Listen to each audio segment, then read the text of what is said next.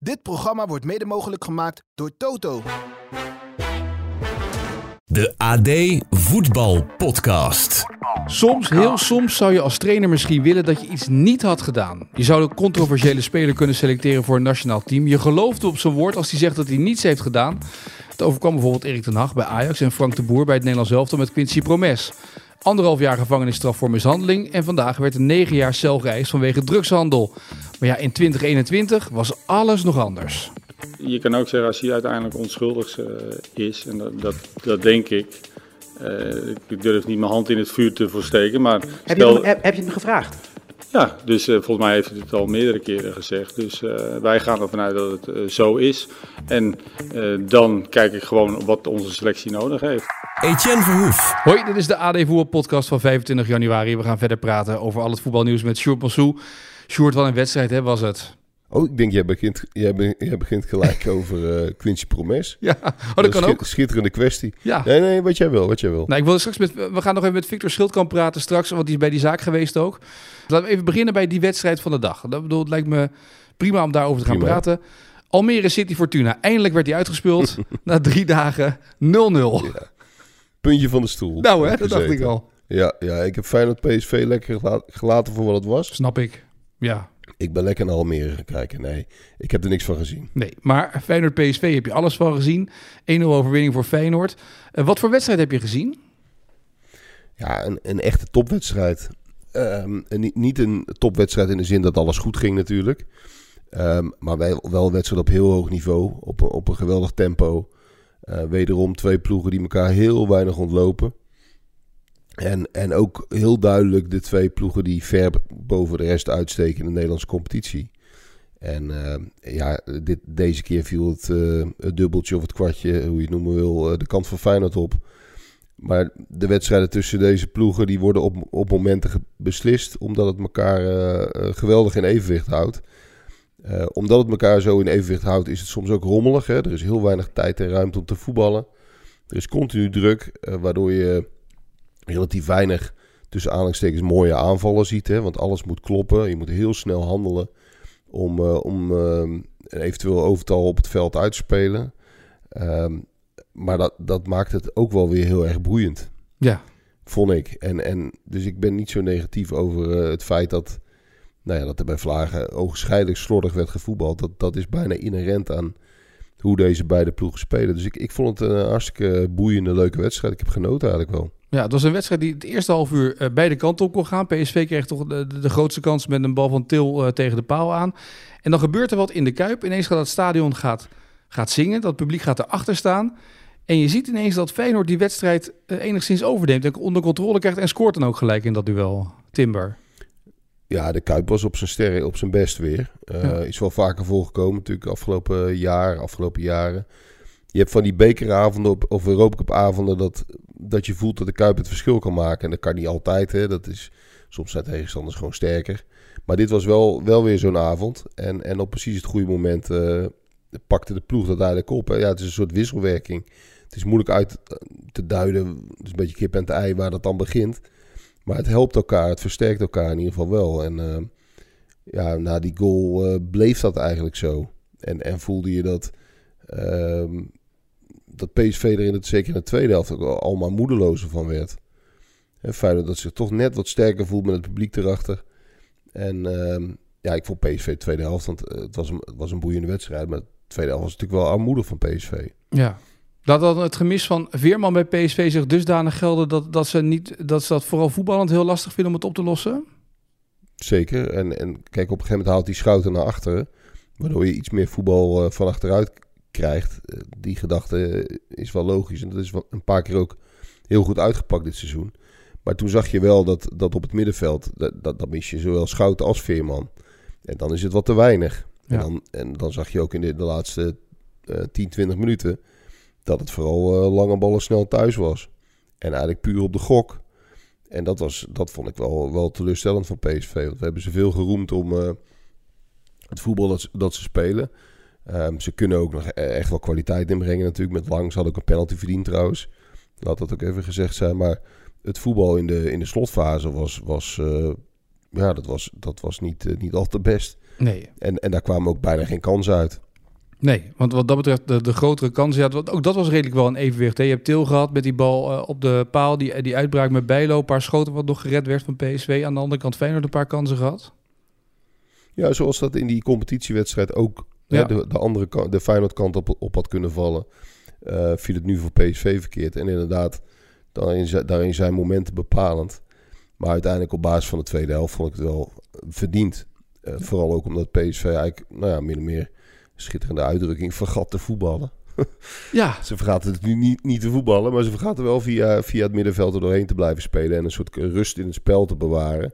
Daar kwamen ze eigenlijk bijna niet meer aan toe. En eh, ze kwamen nog tot, tot mogelijkheden omdat Lange het dan op zijn heupen krijgt. Omdat het natuurlijk een geweldige speler is voor de Eredivisie. Of voor eh, Nederlands niveau. Ehm, en die had, ja, die had gewoon een penalty moeten krijgen. Ik, ik vond het heel merk- merkwaardig aan dat moment vooral. Ehm, dit was nou bij uitstek een, een VAR-moment dat je even, Ja. moet, even een minuutje moet pakken. Ik vind het al goed dat de VAR eh, niet voor elk wis, wit, wisselwasje de beelden stilzet. En dat eh, scheidsrechters continu moeten wachten en wedstrijden continu worden stilgelegd. Maar wel in zo'n geval natuurlijk. Dit, dit was een geval waarbij je duidelijk zag van... Hè, je moest de camera standpunten moest je even naast elkaar zien. Want raakt hij die bal nou wel of niet? En in hoeverre raakt hij die enkel precies? Ja, daar had hij gewoon... eh Clay Ruperti was geloof de VAR. Daar had hij even de tijd voor moeten nemen. Dat was heel merkwaardig. Ja, ik dacht toen ik het zag op televisie ook gelijk. Dat is een strafschop, de manier waarop Wiever zeg maar daar eh, met, in de herhaling, hè, als je die, die camera achter de goal ziet, hoe die met zijn voet op die voet van lang komt daar. Ja, daar zit geen Nee, moment dat bal bij. Dat was ook mijn eerste reflex. Nou ja, misschien heel, misschien toucheert hij de bal nog heel licht. Maar dan nog kun je afvragen of dat het toe doet. Want hij raakt vol de enkel van, eh, van lang. Ja.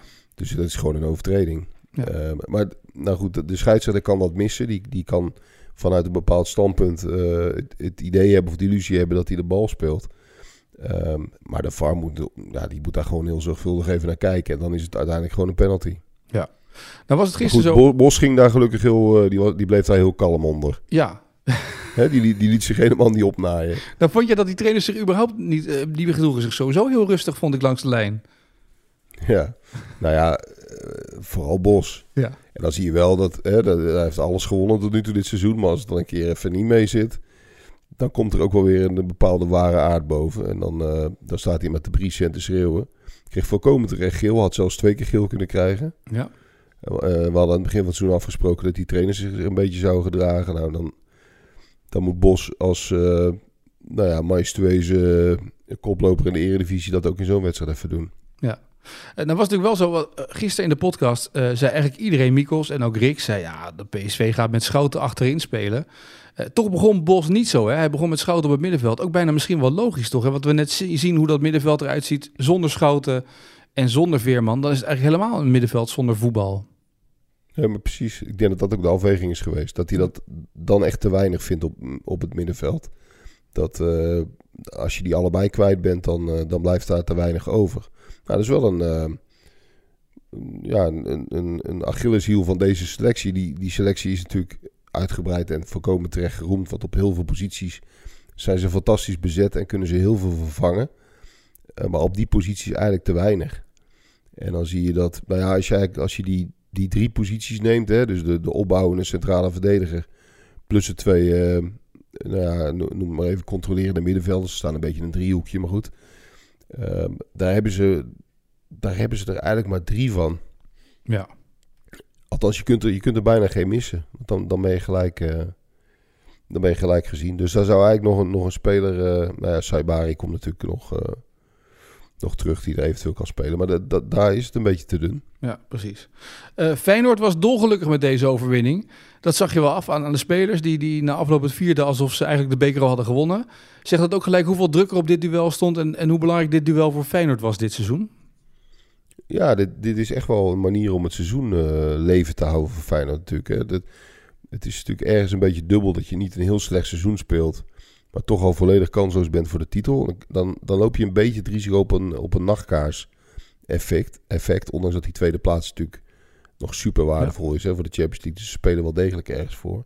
Maar dat bekertoernooi is dan wel heel erg lekker dat je dat, je dat, eh, nou ja, dat, je dat er nog bij pakt als een echte kans op een prijs.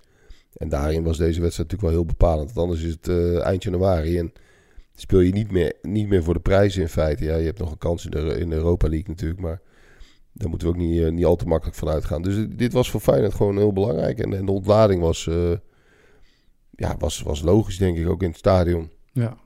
Het was, was, was mooi om te zien, toch? Het was echt, echt een beker, bekergevecht. En een gelegenheidsrechtsbuiten, Nieuwkoop, die toch echt een minuut of 70, 80 volhield als buitenspeler, hè? Ja, een beetje onbeholpen natuurlijk. Het is geen verfijnde buitenspeler. Maar hij brengt wel heel veel energie. En, en het is natuurlijk voor, voor Dilrosun is het natuurlijk wel weer een, uh, ja, een, een, een, harde, een hard signaal dat, dat, dat hij echt niet, niet in beeld is eigenlijk als, als vaste, vaste basisspeler. Want als je door Bart Nieuwkoop wordt vervangen in zo'n belangrijke wedstrijd op jouw positie, dan is dat natuurlijk wel pijnlijk. Ja, Slot riep dat, het dat niet fit genoeg was. Dat hij niet twee wedstrijden in een week kon spelen, omdat hij zo weinig gespeeld had de laatste tijd. Ja, om het een beetje uit te kunnen leggen. Dat legt hij heel, heel fatsoenlijk uit. Want hij wilde hem niet helemaal afserveren. Maar het is natuurlijk pijnlijk. En, en Nieuwkoop uh, deed, dat, uh, ja, deed dat best schijnig. Maar een leuke duels met Dest. Zeker. Nou ja, het is wel slim om, om de opkomende Dest een beetje tegen te houden. was misschien ook een beetje tactisch slim natuurlijk daarin, hè? Ook dat speelde ongetwijfeld mee. Daar zal uh, Arne ongetwijfeld over nagedacht. Een hele uitleg over hebben, inderdaad. Ja, een hele verhandeling. Goed, deze wedstrijd, nou, Feyenoord-PSV uh, is gespeeld. Feyenoord wint. Twee tikken op rij voor PSV. Hebben we nog niet meegemaakt dit seizoen. Twee tikkies. Ja, ik zou nu heel opportunistisch willen roepen dat dit uh, het begin van de ineenstorting is.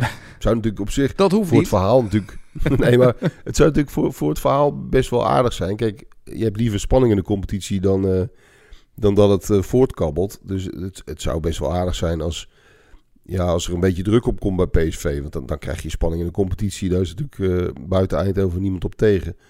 Dat is altijd leuker dan, dan dat de kampioen in, in maart al zeker is. Ja. Maar ja, god, PSV heeft nog steeds zoveel kwaliteit. En, en als je ziet hoe klein de verschillen waren in deze wedstrijd... dan is er echt geen enkele reden om aan te nemen dat PSV opeens helemaal in elkaar stort... als die straks Veerman gewoon weer terug hebben. En die blijven gewoon een beetje normaal doen. Dan gaan ze natuurlijk uh, 9 van de 10 wedstrijden in Nederland gewoon winnen. Ja, precies. Uh, dan gaan we even een uitstapje maken naar nou ja, de rechtbank. Uh, je, we gaan eens even praten met Victor Schildkamp. Die was voor ons, voor het AD, bij de eis van het OM tegen Quincy Promes. Die was trouwens zelf niet erbij.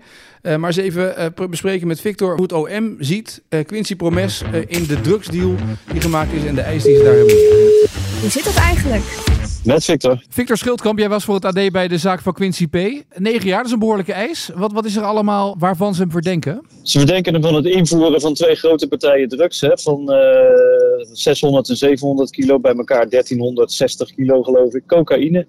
In de haven van Antwerpen in januari 2020. Hij zou, het, uh, hij zou betrokken zijn bij het binnenhalen van die partijen. En een van die partijen is onderschept door de Belgische politie, maar die andere is uh, gelukt, zullen we maar zeggen. En Promes uh, die stuurde eigenlijk de uithalers aan. Hè? De jongens die, uh, die ze dan soldaten noemen. En die, uh, die dat spul dan uiteindelijk uit de loods moeten halen. Noem hem trouwens maar gewoon Promes hoor. Laten we er niet geheimzinnig over doen. Dat klopt. We weten allemaal om wie het gaat. Ja, en dat betekent ook wel dat het OM dus kennelijk genoeg bewijs heeft aangetoond om dit in ieder geval te eisen, toch? In hun ogen. Jazeker. Ja, het ja. zijn afgeluisterde chatgesprekken hè, in, van die versleutelde telefoons, weet je wel. En ze hebben die gesprekken kunnen, kunnen afluisteren. En Promes heet daar, heet dan, uh, heeft dan een nickname, hè, Fantasma. Maar ze hebben op alle manier, allerlei manieren kunnen aantonen dat dat toch echt wel Quincy Promes is. Ten eerste werd er ook gewoon geïnformeerd in die chatgesprekken van uh, dat is toch die voetballer Promes, Fantasma. Maar bovendien, die telefoon die heeft reisbewegingen gemaakt en, uh, in een vliegtuig bijvoorbeeld. En dan zat van alle verdachten alleen Promes aan boord allerlei redenen waarom hij dat wel moet zijn. Zelf ontkent hij dat overigens. Hij zegt, hij zegt dat er iemand anders uh, achter, dat, uh, achter die schuilnaam zit. Er zijn genoeg bewijzen, zal ik maar zeggen, uh, volgens het OM om aan te tonen dat de heer Fantasma in die chatgesprekken promes is. En het Openbaar Ministerie vindt dat hij een leidinggevende rol had. Dus dan, dat hij nog redelijk hoog in de organisatie stond. En hij was ook nog eens financier. Hij had voor 200.000 euro geïnvesteerd in deze partijen drugs. Om winst te maken uiteraard. Dus uh, ja, hij had een uh, prominente rol in deze organisatie. Een vrij grote organisatie, wordt er gezegd. Contacten met allerlei grote drugscriminelen. En ergens in dat web zat ook dus Quincy Promes. En dat wordt hem zwaar aangerekend. Want negen jaar cel is uh, negen jaar onvoorwaardelijk cel. Dus niks voorwaardelijk. Hij moet gewoon zitten. Als ze hem ooit te pakken krijgen. Maar daar komen we van zo meteen nog wel op. Ja. Als hij ooit weer in Nederland komt, dan zie je hem een hoop jaren niet meer terug. Ja, hij was er zelf niet bij bij die zaak. eh, maar inderdaad, je zei het al, Nee. hij is er nu niet. Als hij in Nederland is, wordt hij waarschijnlijk gelijk ook eh, opgepakt. Want hij heeft nog een straf uitstaan. Hij speelt bij Spartak Ja. Moskou. Dus het EK voetbal in 2024 kan hij überhaupt denk ik wel vergeten. Eh, maar ja, kan, kan het OM hem ook achter de tralies krijgen? Ja, ik denk van niet. Kijk, het, het, het promes is in 2021. Toen was hij al in beeld als drugsverdachte. Is hij naar Spartak Moskou gegaan. Hè? Dat weten jullie beter dan ik. Ja. Kijk, zol- zolang hij in Rusland zit, in de huidige politieke klimaat, zal Rusland zal die daar, zit hij daar veilig. Hè? Rusland levert helemaal niemand uit. Het probleem van Promes is alleen, hij heeft nog steeds geen eh, ver- eh, Russisch paspoort. Het, is, het heeft er alle schijn van dat hij dat probeert te krijgen om nooit meer het land uit te hoeven. Hij doet het nu goed in Rusland. Eh, ze willen hem daar graag houden. Zijn contract wordt volgens mij ook verlengd tot 2025. Voorlopig zit hij daar goed. Maar Promes probleem is een beetje. Die Russen die gooien het land niet uit zolang hij goed voetbalt. Maar ook niet zolang die straffen niet onherroepelijk zijn. Hij is dus al een keer veroordeeld voor het eh, neersteken van zijn neef. Dat staat los van deze drugstaak. Ehm, die, daar is hij in hoger beroep gegaan, dus die straf is nog niet onherroepelijk. Ook deze straf eh, is nog niet uitgesproken. Hè? Dit is een strafeis. Over een paar weken komt de, spreekt de rechter de straf uit. Maar dan kan hij weer in hoger beroep gaan. Hij kan dit nog vrij lang rekken, totdat de straf onherroepelijk is. En in Rusland, ik ga af en toe een beetje met Google Translate door die Russische nieuwsites heen. In Rusland praten ze het eigenlijk steeds goed van ja, de straf is nog niet onherroepelijk, dus we hoeven hem nog niet het land uit te gooien, zal ik maar zeggen. Bovendien, hij doet het goed daar. Maar als die straf echt over een tijd onherroepelijk is, als alle hoge beroepen zijn geweest, die hij ongetwijfeld zal gaan, eh, gaan indienen. En hij heeft nog geen Russisch paspoort. Ja, op een gegeven moment is die voetballer af. En dan zullen ze waarschijnlijk. Zou het ook kunnen dat ze in Rusland denken: ja, eh, je moet nu het land uit. Je verblijfsvergunning eh, verlengen we niet. Dat is mogelijk. Tenzij hij een Russisch paspoort weet los te peuteren ergens eh, binnen nu en één of twee jaar. Dan hoeft hij het land natuurlijk niet meer uit. En daar is hij mee bezig. En dat is een beetje. Op de lange termijn kan het nog wel een probleem voor de- worden voor Promes. Als hij niet in Rusland kan blijven. Dan kan hij misschien naar Dubai of naar weet ik wat voor landen. waar we geen uitleveringsverdrag mee hebben. Maar dan wordt hij toch wel echt een voortvluchtige. die ook niet meer. die toch wat onaantastbare status van profvoetballer eh, heeft. Hè? En dan eh, veel geld heeft hij natuurlijk wel. Maar dus ja, kunnen ze hem ooit achter tralies krijgen? Hij staat internationaal gesignaleerd. Als hij ooit het verkeerde land binnenloopt, waar ze hem wel oppakken en gewoon naar Nederland sturen. Ja, dan, dan is hij de Sjaak. Goed, Victor Schildkamp, dankjewel voor nu. En dankjewel voor je bijdrage in de AD Voetbalpodcast. Tot de volgende keer. Jo, alsjeblieft. Sjoerd, ik begon natuurlijk met die woorden van Frank de Boer. Ja, met terugwerkende kracht. Hè? Nou ja, niet alleen, niet alleen met terugwerkende kracht. Nee. Ehm, kijk, het is natuurlijk bekend, dat daar heeft volgens mij het Parool al heel, eh, heel erg op tijd over geschreven, dat eh Promes werd al eh, onderzocht door de politie Ja. en, en serieus onderzocht. En dat was bij de leiding van Ajax destijds gewoon bekend. Ajax is door- in een soort verkenningsgesprek met, eh, met de politie gewoon op de hoogte gebracht van, nou ja, van, van de situatie rondom Promes. Toen was er nog niks bewezen, maar toen is wel duidelijk geschetst door de politie van jongens, pas op deze speler gaat met, met verkeerde mensen om. En ehm, dit, dit is geen, en dat zijn geen kruimeltjesdieven. Nee. Ehm, eh, dus Ajax is wel degelijk eh, op de hoogte geweest, al heel vroeg in dit verhaal, van, van serieuze, eh, serieuze zaken. En ehm, is daar eigenlijk min of meer achterloos overheen gestapt. Op het moment dat hij destijds voor het eerst gearresteerd werd, werd hij volgens mij gelijk, eh, volgens mij was het Pek Zwolle uit of zo. Kan ook Heracles geweest zijn, zo'n soort wedstrijd. Werd hij eigenlijk gelijk weer opgesteld. Nou ja, kijk, het is natuurlijk altijd zo dat eh, je kunt je altijd verschuilen achter eh, eh, de stelling dat, dat je pas schuldig bent tot het, Ja. tegendeel bewezen is. Of ik, ik- nee, je bent onschuldig tot het Ja, tegendeel bent bewezen onschuldig, ja. schuldig. Dat is een beetje lullig, ja. ja, ja, ja. Nee, maar, ehm, ehm, maar je hebt natuurlijk ook een grotere verantwoordelijkheid als voetbalclub. Ja. En ehm, op het moment dat je dit soort signalen krijgt, dan moet je daar als leiding wel heel goed over nadenken. En, en hetzelfde geldt voor de KNVB destijds. Ehm, er waren genoeg aanwijzingen, eh, zeker, en dat kun je met terugwerkende kracht noemen, maar intern waren die signalen er al heel duidelijk. Er waren al behoorlijk wat mensen binnen het voetbal en dat werd nog niet naar buiten gebracht. Dat, dat kwam nog niet in de media. Dat, dat, is al, dat, moet allemaal, dat is allemaal stap voor stap gegaan.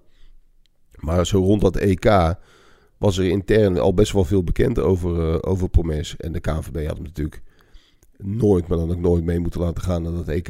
Nee. En eh, dan kun je naar Frank de Boer eh, wijzen en naar Erik ten Hag. En natuurlijk, die hadden, eh, die hadden misschien ook wat snuggerder moeten zijn. Maar het begint wel, dit soort keuzes beginnen wel bo- bovenin. En, en de KNVB had gewoon moeten zeggen... Ja, Frank, het is allemaal leuk en aardig... dat jij Quincy Promes mee wil nemen... omdat je 3-5-2 wil spelen. En dat is lekker Ja. makkelijk... want dan kan die op een paar verschillende posities spelen. Maar dat gaan we even niet doen. Nee, Nee. maar gewoon Ryan Babel. Of, of weet ik voor wie. Ja. Er waren, het was de, het was de, de 14e of 15e man destijds. Ja, ja. dat, dat had je natuurlijk nooit moeten doen. Nee, maar even voor, voor, eh, voor jou en mij, hè. Ehm, heb jij in jou, je kent Mikos al jaren als journalist, heb jij ooit eh, meegemaakt dat Mikos zo dicht op een cocaïnehandelaar heeft gezeten? Je bedoelt in een interview? Ja, want Mikos was de enige die toen een interview met hem had in Portugal, één op één. Ja, en hij kon, hij kon goed liegen. hè? Ja, en, maar dichterbij, ja, precies, zelfs, maar dichterbij bij, bij een drugsdealer komt Mikos Schauka denk ik niet. Ja, je weet het nooit, hè? Nee, nee, Dat weet je nooit. Nee, dat is waar. Daar moeten we niet te naïef over zijn. maar eh, nee, het, het is een bizarre zaak. Ja. Eh, dat, ja, dat, dat spreekt natuurlijk voor zich. Het is een open deur. Eh, het gaat ook niet om drie kilo, geloof ik, hè? Nee, het gaat om 600 kilo en 700 kilo. Dus het gaat echt wel om een grote deal, zeg maar, waar hij in geïnvesteerd heeft. Ja. Ja. Nee, het is, het is onvoorstelbaar. Dit, dit, dit is... ehm, kijk, je hebt, je hebt verschillende voetballers gehad... die in aanraking zijn geweest met eh, justitie. Ja. Ehm, ook in het buitenland zijn natuurlijk ernstige eh, zaken geweest. Maar dit is in Nederland toch wel het meest extreme geval. Dat denk ik ook, ja. Dit, dit, is, dit is ongekend. En nou ja, ehm, ik weet niet of die, eh, hoe lang hij nou nog in Rusland wil blijven. Maar kijk, er wordt een beetje gemakkelijk over gedaan. Of gemakkelijk over gedacht van ja, die blijft in Rusland. Want blijft hij uit, handen van justitie. Die blijft daar voor de rest van zijn leven wonen. Maar vergis je niet dat, dat eh, Promes natuurlijk niet alleen is. Hè? Die heeft Nee. ook familie en, eh, en, en kinderen volgens mij. En een relatie. En die mensen zitten allemaal hun leven lang bij wijze van spreken opgesloten. Omdat eh Promes daar dan moet blijven. Kijk, dat is natuurlijk niet, dat is natuurlijk niet oneindig. Nee. Op een gegeven moment zal hij daarin ook beslissingen moeten nemen. En daar kan hij allemaal heel luchtig over doen. En op Instagram net doen alsof er niks aan de hand is. Maar ehm, ja, dit, er komt natuurlijk een moment dat, dat hij ook voor zijn omgeving eh, een keuze zal moeten maken. Ik kan me niet voorstellen dat hij eh, met zijn met zijn hele gevolg eh, nog eh, pakweg 40, 50 jaar in dat, in dat Rusland blijft. Nee, en het meest cynische vond ik nog dat hij is gevlucht naar Rusland. Daarna komt die oorlog met Oekraïne, waardoor Rusland wordt uitgesloten van Europees voetbal. Wat eigenlijk voor Promes weer de redding is, want daardoor zit hij daar heel veilig in Rusland en kan die eigenlijk ook niet opgepakt worden als hij nu naar Duitsland moet of naar Engeland of weet ik veel waar naartoe moet. Ja, klopt, maar hij was natuurlijk ook niet meegegaan. Nee, Als die eh, Europees had moeten spelen. Maar goed, dat is even, even een zijpad. En het is, het is ook pijnlijk voor, zijn, eh, ja, voor, voor de vrienden die, eh, die hem altijd verdedigd hebben. zie je ook nog pas, hè? Ja. Ja, en, en, en, en Depay heeft natuurlijk ook al een aantal Ja. keren eh, dingen geplaatst. En, en dat is een beetje... Ik moest daaraan denken toen, toen die kwestie... eh, heel andere zaak natuurlijk met, met Antwerpen en eh, Mark Overmars. hè. Ehm, die spelers die, doen met, het- die met het spandoek op het veld stonden Ja. van de week. Heel andere zaken, heel andere orde van grootte, begrijp me goed. Maar loyaliteit, ehm, dat, wordt dat wordt vaak gezien als iets dat je in het openbaar moet uitdragen. Antwerp voelde dat blijkbaar zo. We moeten Ja. Overmars in het openbaar steunen. Eh, spelers als Ziyech en, en Depay die vinden... eh, wij moeten onze vriend in het openbaar eh, een hart onder de riem steken... door, door vrolijk met hem op Instagram door Dubai te gaan wandelen. ja. Maar dat is natuurlijk een, tot, een enorm misverstand. Je kunt, je kunt heel goed loyaal zijn aan jouw vrienden of collega's... door gewoon dicht bij die mensen te blijven. Maar dat betekent niet dat, dat je in dit soort gevallen... zeker niet als je de verantwoordelijkheid hebt van een, van een club... eh, maar ook als individu, dan hoef je dat niet per se van de daken te schreeuwen. En dan hoef je niet eh, een soort eh, dikke middelvinger op te steken naar... nou ja, het, het blijft twee heel verschillende vrouwen, maar je, of twee, twee heel verschillende zaken. Maar ja. middelvinger op te steken naar A, de, de, de vrouwen in het algemeen. En, en de vrouwen bij Ajax in het bijzonder. En B, eh, naar justitie en politie. En Ja. dan heb ik het over het geval Promes. Is er nog even een rondje transfers doornemen? Eh, Forbes, moet Ajax die verhuren of niet? Het is een heel ander onderwerp. hè. Ja, even, even, even een bruggetje maken, even van het een naar het. Gaan we, dat doen we zo toch? We gaan, we gaan alle kanten op. Een harde knip. Een harde knip is Had je gewild dat ik hier een heel subtiel zo'n bruggetje ging bouwen waar, waar nie- die niemand ziet? We zitten een beetje in de Ajax-hoek met Promes en Overmars. Even een bruggetje naar Ajax. Zal ik het zo moeten doen? Ja? Nee joh, nee joh. Nee joh, helemaal goed. Eh, Forbes. Ja, ehm, het lijkt mij eh, een beetje zonde als je eh, geïnvesteerd hebt in zo'n jongen. Dat is toch een van de grootste talenten in die, in die belofte Premier League. Hè? De- Ja. Dus je- blijkbaar geloofden ze daarin. En dan kun je het wel weer op het bordje van Mies niet had eh, schuiven. Maar Forbes was natuurlijk best een jonge, interessante speler. Die met een best wel aardige staat van dienst. Ja, je kunt hem natuurlijk verhuren. Hij kan altijd weer terugkomen. Maar je geeft wel een soort signaal af van ja, die, eh, die hebben we eigenlijk ook al opgegeven. Op het moment dat je hem nu alweer Ja. eh wegdoet. Maar goed, dat is, dat is de, die keuze aan Ajax. Kijk, het is niet zo dat, dat hij wekelijks eh, de pannen van het dak speelt en in de basis staat. Dus als er een mogelijkheid is, misschien ook met een, met een soort doorverkoopoptie om hem in die Premier League weer in beeld te krijgen, dan is dat zakelijk misschien wel, te, wel uit te leggen. Maar het is een. Ja, ik had Forbes nog best wel wat, wat tijd gegund. Ik, ik vind dat van, de, van al die Michelin dat aankopen niet de gekste. Nee, precies. Eh, overigens wordt er nu ondertussen bij tal van clubs gaan er namen rond en gaan er dingen rond. Hè. Heerenveen heeft een oogje, eh, schijnt op Yannick eh, Leliendaal van FC Utrecht. Die nou ja, van Ron Jans dit weekend nog een uitstekende aanbeveling heeft meegekregen. Gebrek aan communicatie, teamgedrag en openheid. Hij is door Jans ook uit de selectie gezet. Maar Heerenveen heeft wel interesse in hem. Ja, Ron Jans vindt het niet echt een modelprof, hè, Nee. geloof ik. nee. Nee. Nou is het wel zo dat, dat ehm, het kan, we kennen de achtergronden daar niet Nee. goed genoeg van. Hè. Eh, Er kan daar van alles eh, in het voortraject gebeurd zijn. Dus onze jongen dan gelijk af te schrijven eh, is ook, gaat ook een beetje ver. Die kan best een tweede kans krijgen bij Heerenveen. Maar nou ja, laten we het zo zeggen, het pleit niet voor hem. Als Ron Jans je, je dusdanig afrekent, dan, dan heb je nog als speler nog wel, eh, eh, nou, laten we maar noemen, huiswerk te doen. Ja. Eh, welke club gaat Karim Benzema naartoe, denk je, deze, zo, deze winter? Want hij heeft ook woestijnspijt. Dus eh, iedereen wil hem halen. hè? woestijnspijt. Een woord dat trouwens bedacht is door Martijn van Beten. Ik heb Oh, dat even eh, proberen te achterhalen bij deze. De credits voor Martijn, onze plaatsvervangend chef sport. En eindredacteur af en toe. Ehm, sorry, wat was ook weer de vraag? Nou, Benzema. Oh, Benzema. Lyon wil hem hebben. Is dat, hij, wil graag weg, hè? Ook hij is het zat in de woestijn. Nou, Lyon zou natuurlijk het mooiste zijn. Het meest romantische verhaal zijn. Ja. Daar komt hij vandaan. Hij komt uit Bron, vlakbij Lyon. Ehm, echt een, een lokale jongen. Dus, dus wat dat betreft zou dat het mooiste verhaal zijn. Ik weet niet of hij terug wil naar Frankrijk. Daar heeft hij wel een moeizame eh, relatie altijd mee gehad. eh, in veel opzichten. Eh, maar dat, ja, dat, dat moet hij dan maar doen, hè, Lyon. Dat lijkt me op zich het mooiste. Wij, wij zijn van de verhalen, dus doe dan maar dat. Ja, precies. Doe dat maar dan. Ik, ik, had een, ik had een club als Manchester United ook nog wel iets voor, voor Benzema Nou. gevonden. Dacht ik ook nog wel eigenlijk, ja. Die zijn ook opruiming aan het houden. Die sturen er een paar daar naartoe. Dus dan eh, hopen ze. Dit zou ook een typische Manchester United aankoop zijn. Ja, Benzema. Op zijn, eh, wat is die, 36ste? 35, ja. ja. Ja. Nee, maar die, dat moeten ze niet doen, want die is, eh, volgens mij kan die niet meer 90 minuten. Die heeft ook fysieke problemen in Saudi-Arabië gehad. Dus die begint wel een beetje de, de grenzen van zijn, nou ja, van zijn lichaam te voelen. Ja, nou kortom, er zijn nog genoeg spelers die de komende periode waarschijnlijk nog een overstap gaan maken. Wij gaan een overstapje maken naar de vraag van vandaag. De vraag van vandaag. En dit was de vraag die Mikos gisteren voor jou en onze luisteraars had. Nou, dan heb ik er een. Want Oh. dat eh, Rick net zei, eh, Van de Kerkhof heeft nog bij Helmond Sport gespeeld. Een speler dus van een nationaal elftal bij Helmond Sport. Dat zullen er meer zijn geweest, maar één schiet me dan sowieso te binnen. En dat is een goede voor Sjoerd. Ze hebben ook ooit een, eh, een Belgisch international gehad. Tienvoudig Belgisch international. En ja, weet Sjoerd nog wie dat is? Helmond Sport, tienvoudig international. Weet je nog wie het was? Nou, Mikos, Mikos eh, die, die, die schrijft hem heel nadrukkelijk aan mij toe. Ja.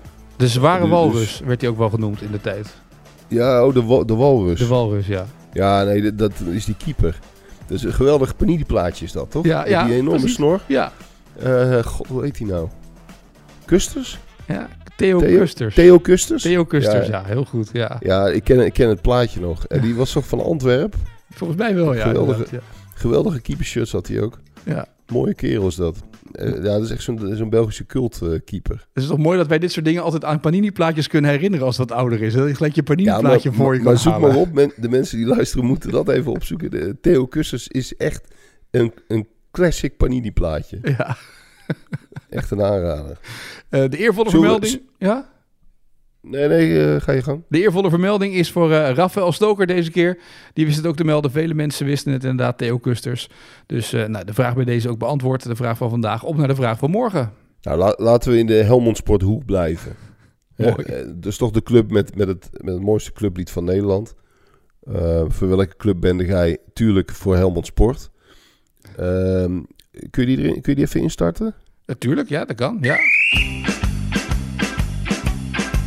Voor welke club ben de guy? Voor welke club ben de guy? Ik ben voor Helmond Sport. Ik ben voor Helmond Sport. Voor welke club ben de guy? Voor welke club ben de guy? Tuurlijk voor Helmond Sport. Nou ja, de, een mooie clublied bestaat niet. Uh, hand in hand camera de Eat Your Heart Out, zou ik willen zeggen. Maar, um, hoe heet het? Uh, Helmond Sport. Nee, uh, iedereen weet natuurlijk, ik ga hem even lekker lang inleiden. Mag dat? Natuurlijk. Johan heeft alle tijd om na te denken morgen dan, ja. Kijk, iedereen weet natuurlijk dat, dat NAC is de universiteit van het voetbal, hè. Alle uh, grote Nederlandse coaches van dit moment hebben bij NAC gespeeld. Of nou Peter Bos is of Arne Slot. En eerder had je natuurlijk nog bij Ajax had je zowel Alfred Schreuder als Maurice Stijn. Um, je, hebt, je hebt in het betaald voetbal heel veel uh, trainers die, uh, die ooit bij NAC uh, gespeeld hebben. Dus de Universiteit van het Voetbal, dat, dat, die, die staat in Breda. Um, van het Nederlands voetbal. Maar er is nog een klein universiteitje van het voetbal en dat is Helmond Sport. Namelijk in het seizoen 98-99. Toen speelde daar niet alleen John de Wolf, Feyenoord-icoon. Maar ook uh, voormalig trainer van onder andere uh, Jong PSV en Fortuna Sittard, Wil Boesen. Die speelde daar. Maar daar speelden nog twee, um, laat ik maar zeggen, serieuze Nederlandse trainers. Op dat moment. Die uh, allebei um, nou ja, op een heel behoorlijk niveau in Nederland in recente jaren hebben gewerkt. Dus dan heb ik het niet over trainers van heel lang geleden. Nee, ze hebben gewoon in de laatste, wat zal het zijn, uh, tussen de 1 en de 6 jaar geleden hebben ze in, uh, voor prima Nederlandse clubs gewerkt als hoofdtrainer. Dus welke twee spelers van Helmond Sport in het seizoen 98-99 maakten daarna furoren als hoofdtrainer in het Nederlands betaald voetbal? Uh, nou, je kan je antwoord uh, door gaan geven als je dat weet. Uh, via X met de hashtag AD Voetbalpodcast. Of door mij een berichtje te sturen via Instagram. Je weet het, op het spel staat sowieso de eervolle vermelding. En wie weet ook wel die bon van voetbalshop.nl morgen. Het zou zomaar kunnen. kan je een mooi Helmond Sport shirt gaan uitzoeken. Misschien wel bij voetbalshop.nl. Ik weet niet of ze die verkopen. Maar anders worden ze nu toegevoegd aan de collectie, vrees ik. Dus je weet het nooit natuurlijk, hè? Ik vind het wel leuk, zo'n zo'n themaweek. Ja, ja. Dat je dan een Helmond Sportweek hebt. Met ja. allemaal Helmond Sport vragen. Ja, of dat mensen een beetje doorgaan week... op de vraag van de vorige dag, zeg maar. Zoals vorige keer Johan doorging met de, de, de Mas Singer van uh, Timmy Simons. Op jouw vraag van uh, Ron Brandsteder met Ron's Honeymoon Quiz. Dat we een beetje die, uh, die thema's ingaan. Ja, ik vind het wel leuk. Laten we dat proberen vol te houden. Dat, dat de, de vraag van vandaag steeds een linkje heeft met de, met de vraag van de dag daarvoor. Ja, dat is een mooie. Ja. Dus steeds doorgaan op de vraag van de dag daarvoor. Vind ik een mooi, mooi thema om dat vol te houden. Nou, mochten mensen het antwoord weten, laat het weten. Morgen een nieuwe AD Voetbalpodcast. Gaan we vooruitblikken op het weekend en alles wat er komen gaat. Transfers en dat soort zaken. En met Johan Inan. Sjoerd, ik wens jou een mooie dag. En uh, tot de volgende. Dank je. Dit programma wordt mede mogelijk gemaakt door Toto.